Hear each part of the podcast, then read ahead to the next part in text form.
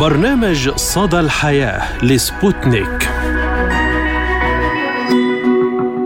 مرحبا بكم مستمعينا الكرام في حلقة جديدة من برنامج صدى الحياة. أقدمه لكم أنا فرح القادري. نتحدث اليوم عن مواضيع متنوعة وأهم الأخبار التي كانت الترند لهذا الأسبوع. ونبدأ الحلقة بموضوعنا الرئيسي عن الهجرة غير الشرعية في قوارب الموت والاستغلال البشري لحاجات الناس.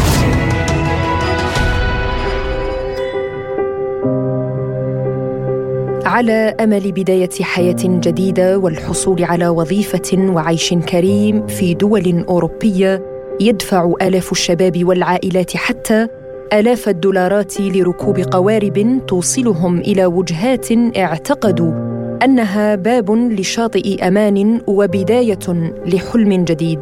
قوارب تخلو من معايير السلامة ومخاطرة بحياة المئات في قارب واحد قد لا يتسع في الوضع الطبيعي لعشرات الأشخاص وتتكرر المأساة في كل مرة حين نسمع بغرق مراكب تقل في كل مرة ضحايا جدد لتنتهي أحلامهم في أعماق البحر.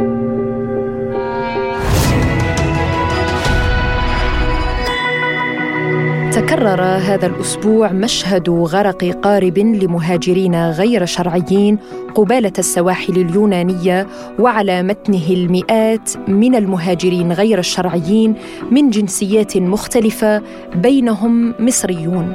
والذي كان قد انطلق من أمام السواحل الليبية صوب أوروبا.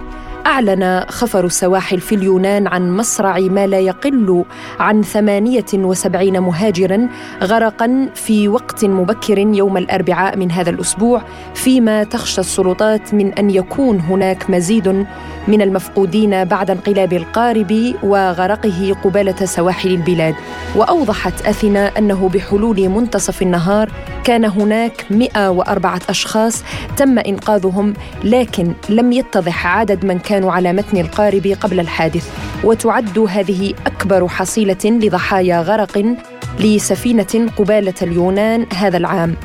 وأعلنت من جهتها الخارجية المصرية أن سفارة مصر في أثينا تتواصل مع السلطات اليونانية المعنية على مدار الساعة وأوضحت أن إجمالي عدد المصريين الناجين هم 43 شخصا هم خمسة قاصرين و38 شابا تتراوح أعمارهم بين العشرين والأربعين عاما.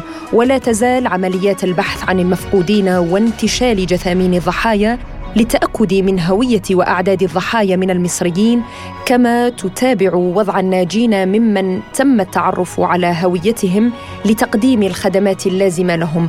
وأكدت مصر مجددا إدانتها بأشد العبارات استمرار قيام العصابات المنظمة لجرائم الهجرة غير الشرعية باستغلال حاجة البعض ممن يبحثون عن فرص أفضل للحياة والعمل معرضة حياتهم لمخاطر الموت وفقدان الامل وكما أكدت أيضا أنها اطلعت بإجراءات حاسمة على مدار السنوات الماضية لوضع قوانين رادعة لمواجهة جريمة الهجرة غير الشرعية وكل من تسول له نفسه الانخراط في تنظيمها أو تيسيرها بالإضافة إلى ما تم اتخاذه من إجراءات لضبط الحدود تمنع خروج مهاجرين غير شرعيين عبر السواحل المصرية.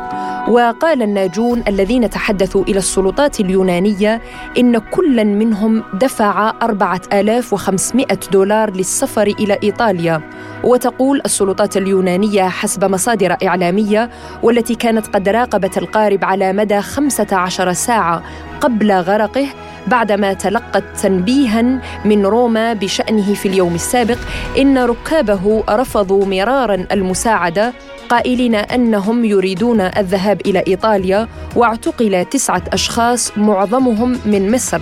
على خلفية غرق القارب وقالت السلطات اليونانية إنهم يواجهون اتهامات بالقتل غير العمد بسبب الإهمال وتعريض الأرواح للخطر والتسبب في غرق قارب وأيضا الاتجار بالبشر.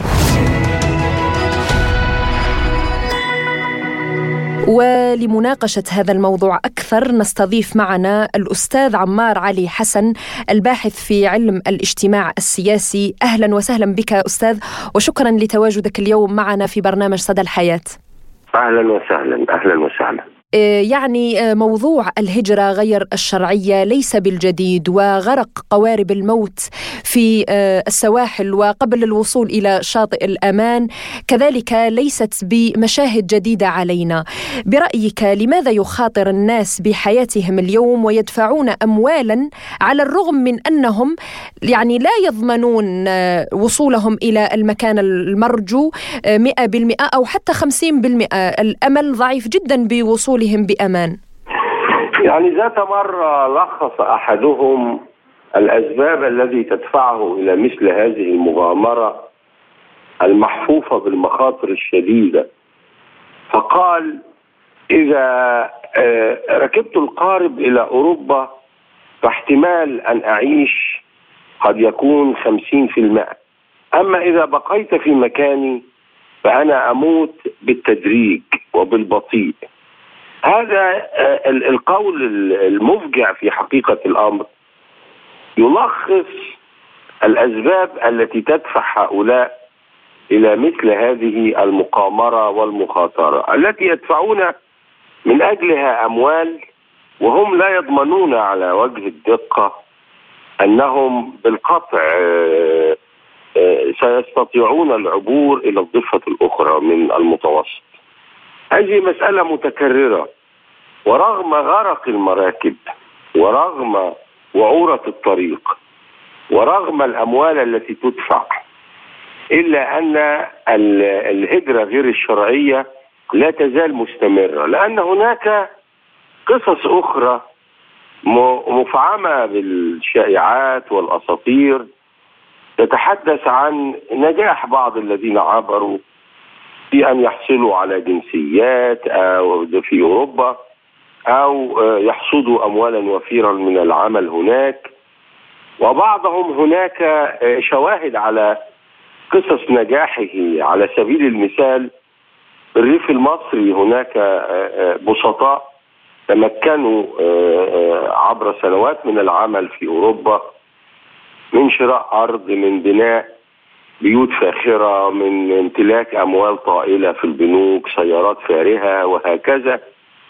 مثل هذه القصص لا يعرف الناس حجم المعاناة التي تقف خلفها.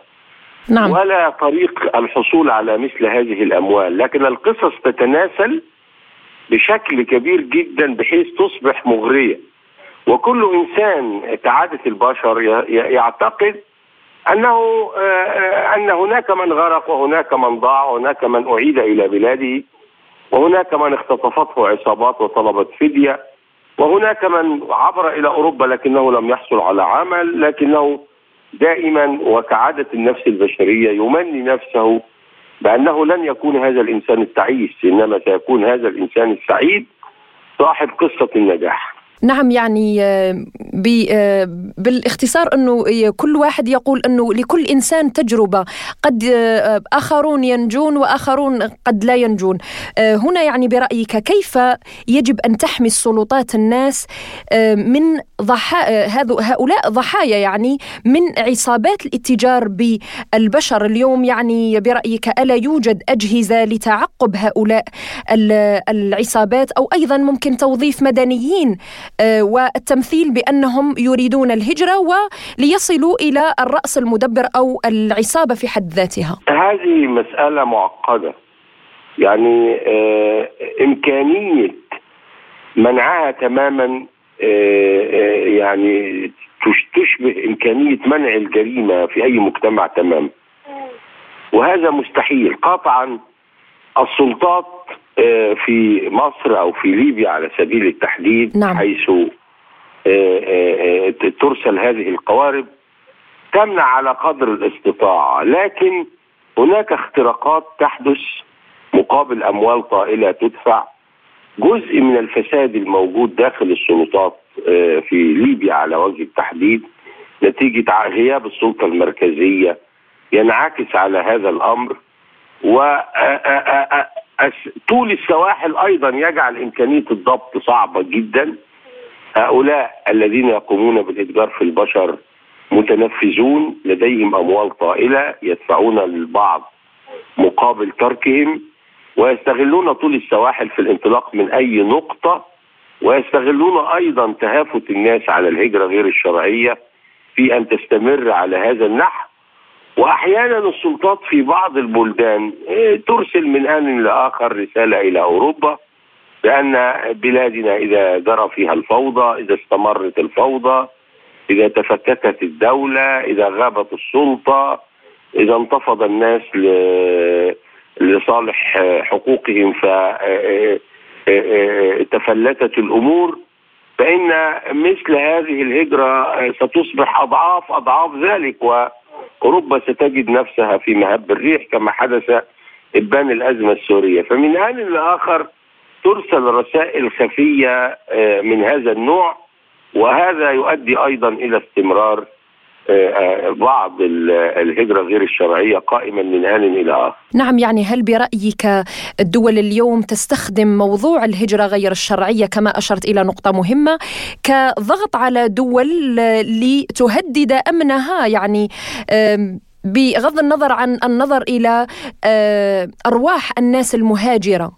لا أحيانا نجد إشارات من هذا النوع وال يعني سواء كانت السلطة يعني تغض الطرف عن بعض هذه الهجرات أو أنها في حقيقة الأمر عاجزة عن منعها تماما لكنها تقول إن نحن نبذل جهدا كبيرا في سبيل هذا المنع ومع ذلك هناك بعض القوارب التي تذهب. فما بالك لو غابت السلطة المركزية في بلدان جنوب المتوسط تماما؟ فهذا معناه أن أنكم ستجدون ملايين الناس يعبرون المتوسط إلى أوروبا ووقتها ستصبح أوروبا في أزمة شديدة. أتصور أن هذا من الملفات المهمة التي تناقش على المستوى الرسمي نعم دائما بين الدول المشاطئة للمتوسط. آه كذلك يعني آه، ألا تعتقد أن آه، العصابات متعاونة مع الدول التي آه، يعتبرها المهاجرين غير الشرعيين وجهه لهم. قطعا متعاونة يعني الفساد على الناحيتين أو على الضفتين. يعني آه، هذه عصابات دولية ليست موجودة في جنوب المتوسط فقط إنما أيضا في شمال المتوسط. لأن في نهاية الأمر هذه المراكب تحط في أماكن محددة. على الشواطئ الأوروبية سواء في اليونان أو في إيطاليا أو فرنسا أو غيره. وهذه ال ال ال الشواطئ قطعا لا يستطيع هؤلاء أن يصلوا على هذا النحو دون ترتيب ما من قبل العصابات. وأنا أتصور أن اختيار إيطاليا على وجه التحديد وجهة آه، يخضع لأمرين أنها قريبة أكثر الدول قربا من الساحل. من الشاطئ الآخر المتوسط في الجنوب. نعم. وثانيا أن إيطاليا بلد موجود فيها عصابات شديدة جدا. ممكن أن تساهم في مثل هذه المسألة بشكل واسع وصريح بعيدا عن قبضة الدولة آه، المركزية الإيطالية. آه، نعم يعني خلال السنوات آه، التي بدأت فيها الحروب في منطقة الشرق الأوسط وكثرت الهجرة غير الشرعية من بلدان الشرق الأوسط نحو كما قلت إلى السواحل الأوروبية. اليوم ليبيا وما يجري فيها يعني من حرب مستنزفة. كيف برأيك يمكن محاربة هذه الظاهرة في ظل في ظل عدم الأمان والسلم الاجتماعيين؟ الناس يعني يفضلون خوض التجربة ولو أن وصولهم غير مضمون. قطعا يعني لا يمكن أن تحاربي هذا الأمر إلا يعني بالتعاون مع السلطات الموجودة في جنوب المتوسط وهذا لن يتم إلا في إطار آه، تنسيق دولي أمني على مستوى عالي. لكن آه، سيظل تظل الأسباب التي تؤدي إلى الهجرة غير الشرعية قائمة. الأفضل قطعا يعني أوروبا ليست مسؤولة عن ذلك إنما آه، السلطات الموجودة في جنوب المتوسط مسؤولة. الأفضل هو تهيئة حياة كريمة للبشر في جنوب المتوسط. البعض يفر قهرا البعض يفر كبتا وغيظا البعض يفر سعيا وراء الرزق. البعض يفر نتيجة انسداد الأفق في هذا في في في البلدان في جنوب المتوسط. لو أن الصبي الصغير أو الشاب الموجود في الجامعة يعرف أن التعليم سيؤدي إلى حراك اجتماعي وأن بذل الجهد سيؤدي إلى تقدم في الحياة وأن هذا الجهد سيؤدي إلى تحصيل رزق يكفيه ويكفي ويساعده على إنشاء أسرة وإقامة حياة معقولة أو متوسطة الحال على الأقل لن يفكر في الهجرة على الإطلاق. لكن التفكير في الهجرة قائم نتيجة شح الرزق نتيجة انسداد الأفق وبعض الأسباب مرتبطة بمسائل سياسية يعني نتيجة افتقاد حرية التعبير نعم. نتيجة إغراء النموذج الأوروبي لبعض الناس وكل ذلك يظل قوما. ويمكن لأن بعض هؤلاء المهاجرين قادمين من أفريقيا وبعضهم متعلمون وحاصلون على شهادات جامعية ومع ذلك يغامرون على هذا النحو. نعم يعني الهجرة غير الشرعية اليوم باتت لا تفرق بين متعلم وغير متعلم. كما قلت نعم. الكثير من ال من ال يعني الكفاءات لم يجدوا تقديرا في أوطانهم فاختاروا أن يغامروا ويقامروا في عرض في عرض البحر آه للتقدير لإيجاد آه دولة تقدر مجهوداتهم العلمية. يعني برأيك هل هناك حلول؟ قد تخفف من هذه الظاهرة ظاهرة الهجرة غير الشرعية وأيضا الحلول التي قد تقود إلى الوصول إلى العصابات. يعني الحل الأساسي يعني هذه الهجرات تتم على وجه التحديد أو أكثر من أفريقيا، أفريقيا قارة ظلت قرونا منهوبه من قبل الاستعمار الغربي. وأفقرت بفعل فاعل ومنعت من التنمية والتقدم. لما رحل هذا الاستعمار ترك خلفه نخبه نخبا حاكما في هذه الدول جميعا أو أغلبها. هذه النخب أيضا تقوم بدور استعمار جديد. هي تمنع قيام تنمية في تلك البلدان أو لا تخطط لتنمية على وجه التحديد وتستمر في النهب بشكل منظم. وهذا يؤدي إلى استمرار إفقار الشعوب.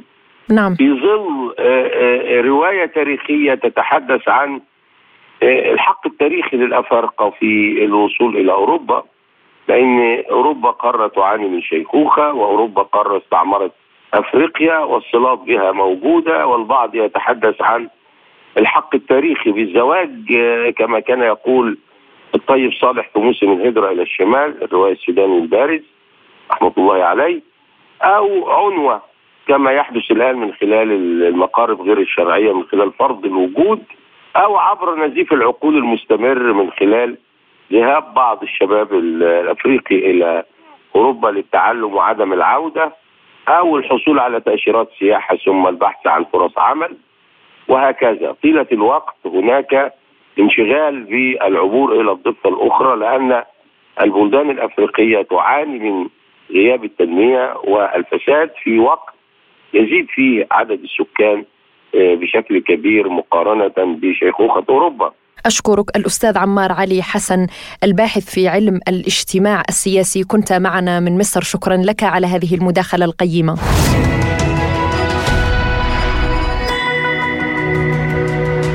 نواصل مستمعينا الكرام معكم حلقة اليوم بأهم الأخبار التي كانت ترند لهذا الأسبوع. حيث ضجت وسائل التواصل الاجتماعي بخبر لشاب جزائري من ولاية عنابة شرق العاصمة الجزائر تزوج من امرأتين في ليلة واحدة وعلى حد قوله للتخفيف من العنوسة. هذه هي الحالة الثانية من نوعها في البلاد في أقل من سنة واحدة وهو ما أثار جدلا واسعا في الأوساط الشعبية بدوره قام السيد رشيد السكيكدي وهو الشاب الجزائري الذي تزوج من امرأتين في نفس اليوم السنة الماضية بالمباركة له في منشور على حسابه في تويتر وقال ألف مبروك للشاب العنابي الذي تزوج اليوم من زوجتين. بينما تباينت تعليقات المتابعين على هذا الزواج وانقسمت الآراء بين الترحيب بشجاعة الموقف وأي شجاعة في هذا الأمر. كذلك رفض للاستخفاف بالمرأة فيما ظهرت مجموعة من التعليقات تعتبر في الخطوة تعديا على تقاليد المجتمع وأخرى تشيد بالرجل وآخرون اعتبروا أن الأمر مجرد ركوب لموجة الترند للحصول على أكبر قدر من المتابعات والمشاهدات وأن المشاهد تمثيل أو متفق عليها كون العروستين ظهرتا دون أهل أو أي شيء يدل على أن هناك عرس ثلاثي من العائلات. وحقيقة من جانبي أود التعليق على هذا الأمر لأنه قبل أن نعلق على الرجل الذي بطبيعة الحال أراد كسب المشاهدات والمتابعات بأي طريقة فالتعقيب على السيدتين اللتين قبلتا على نفسيهما أن تكونا في مثل هذا الموقف وإن كان حقيقة أو تمثيل. أن يعيشا تجربة الزواج في نفس اليوم مع نفس الشخص ويتشاركنه في نفس الوقت يعني لا العقل يقبلها ولا الروح ولا الجسد ولا حتى القلب. آه، برأيي هو انتقاص من قيمتيهما كنساء قبل أن يكون زواج يعني لأن الهدف من الزواج ليس الظهور وكسب المشاهدات بل العيش مع شريك يصون ويحافظ على حرمة الأسرة وقدسيتها.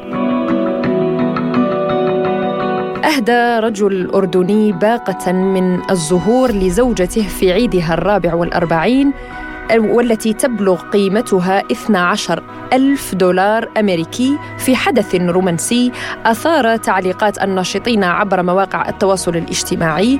وفي التفاصيل قرر السيد خالد المغترب في قطر والذي لم يتمكن من اللحاق بزوجته وأولاده في الأردن لحضور آه، عيد ميلاد الزوجة وقرر الاحتفال بطريقة مميزة. فأرسل لها باقة ضخمة من الزهور عبر ناقلة سيارات تحمل مئات الورود وأقفاص الطيور وقد استغرق العمل بها 12 يوما متواصلا وبلغت كلفتها 12 ألف دولار أمريكي. وحسب تصريحات خالد فإن ما قدمه لزوجته قليل بحقها لما لها من مواقف بطولية. طيلة فترة زواجهما الذي مر عليه 23 عاما وعبر عن اعتقاده أن التعبير عن الحب بطرق ابتكارية وحفظ الجميل بين الأزواج من اسمى الأخلاق النبيلة. كما دعا خالد الأزواج لتقديم الشكر لزوجاتهم وأحبائهم الذين ساندوهم خلال مسيرتهم لتعم الفرحة وحفظ الجميل في المجتمع وتنوعت التعليقات عبر مواقع التواصل الاجتماعي بين المعجب بهذه الفكرة الرومانسية وبين منتقد للخطوة وعلق أحد الناشطين بالقول إن المشكلة الأولى التي ستعترض منار إذا كانت تسكن في عمان. هي أين ستضع هذه الباقة الضخمة؟ عقب انتهاء العرض. في مقال آخر إن المحبة الصادقة تكون داخل المنزل فقط ولا حاجة للعروض على مواقع التواصل الاجتماعي.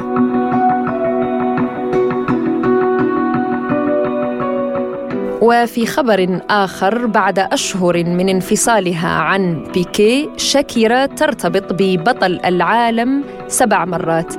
فبعد أشهر من انفصالها عن نجم كرة القدم الإسباني جيرارد بيكي دخلت المغنية الكولومبية اللبنانية الأصل شاكيرا في علاقة عاطفية مع رياضي جديد. وكانت قد انفصلت عن بيكي نهاية العام الماضي بعد ارتباط دام نحو 12 عاماً. وأنجب خلاله طفلين وذلك بعدما اكتشفت المغنية أن مدافع برشلونة كان يخونها مع فتاة تبلغ من العمر 23 عاما تدعى كارلاشيا.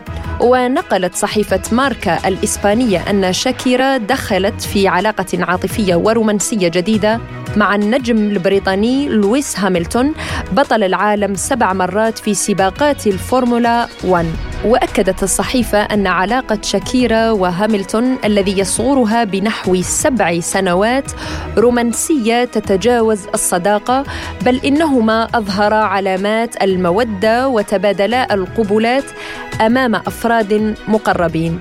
وأكدت أيضا مصادر مقربة من عائلة شاكيرا أن العلاقة بينهما في مراحلها الأولى ووصفوها بأنها بداية مرحة للمطربة الكولومبية.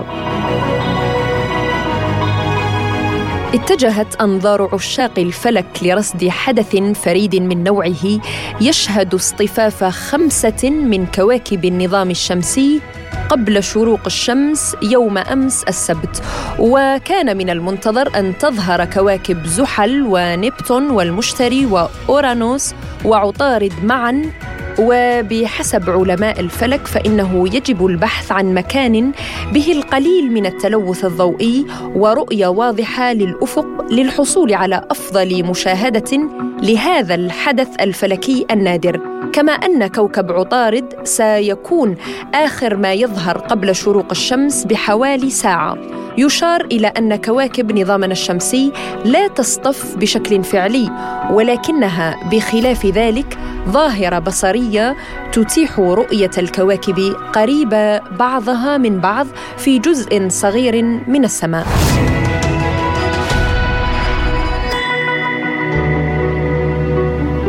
ونختم الحلقة مستمعينا الكرام بخبر ومعلومة طبية كما عودناكم. فصل الصيف وأشعة الشمس والأجواء الحارة التي يحبها الجميع وينتظرها أغلب الناس للاستجمام في الشواطئ والاستمتاع.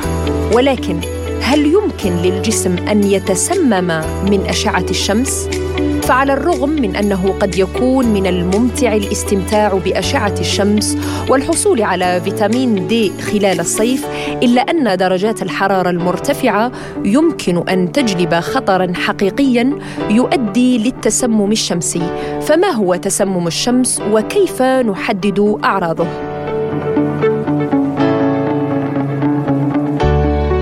التسمم الشمسي هو حالة خطيرة تحدث عادة بسبب تعرض للأشعة فوق البنفسجية التي تحرق الجلد وهو ليس تشخيصا طبيا رسميا بل هو مصطلح عام لحروق الشمس السيئة.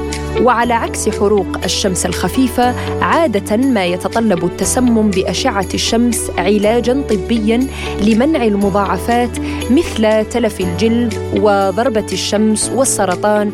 وأحد أكثر الأعراض شيوعا هو تورم الوجه. وقالت الدكتورة ديبرا غاليمان أخصائية الأمراض الجلدية في نيويورك إن تورم الوجه يمكن أن يكون رد فعل تحسسي للشمس. كما شرحت أنه عندما يتعرض الجسم للكثير من أشعة الشمس فجهاز المناعة يتفاعل عن طريق تحويل المنطقة المصابة من الجلد إلى اللون الأحمر وهو ما يصبح مؤلما وتتضخم الأوعية الدموية لزيادة تدفق الدم وتسريع الشفاء ما يؤدي إلى احمرار وتورم في بعض الأحيان. ويقول الخبراء إن الأمر قد يستغرق أقل من عشر دقائق للإصابة بحروق الشمس لذا يقدمون نصائحا وطرق تجعلنا نحافظ على البروده في الطقس الأكثر سخونة من العام بحيث نبقى بعيدين عن الحرارة قدر المستطاع وإذا كنا مضطرين للخروج علينا أن نبقى في الظل خاصة بين الساعة الحادية عشر صباحا والثالثة مساء وأيضا من الضروري استخدام الواقي من الشمس والقبعة وملابس خفيفة وأيضا تجنب التمارين أو الأنشطة التي تجعلك أكثر سخونة. كما إغلاق النوافذ أثناء النهار وفتحها بالليل عندما تنخفض درجة الحرارة بالخارج. إلى هنا نصل وإياكم مستمعينا الكرام إلى ختام حلقة اليوم من برنامج صدى الحياة قدمته لكم من استديوهاتنا في موسكو. أنا فرح القادري دمتم في أمان الله وحفظه ولا تنسوا متابعة أخبارنا عبر موقعنا الرسمي سبوتنيك dot ae وقناتنا على تيليجرام سبوتنيك عربي كما أيضا تابعونا على قناتنا Arab Point Podcast على يوتيوب فيسبوك وتويتر وبودكاست.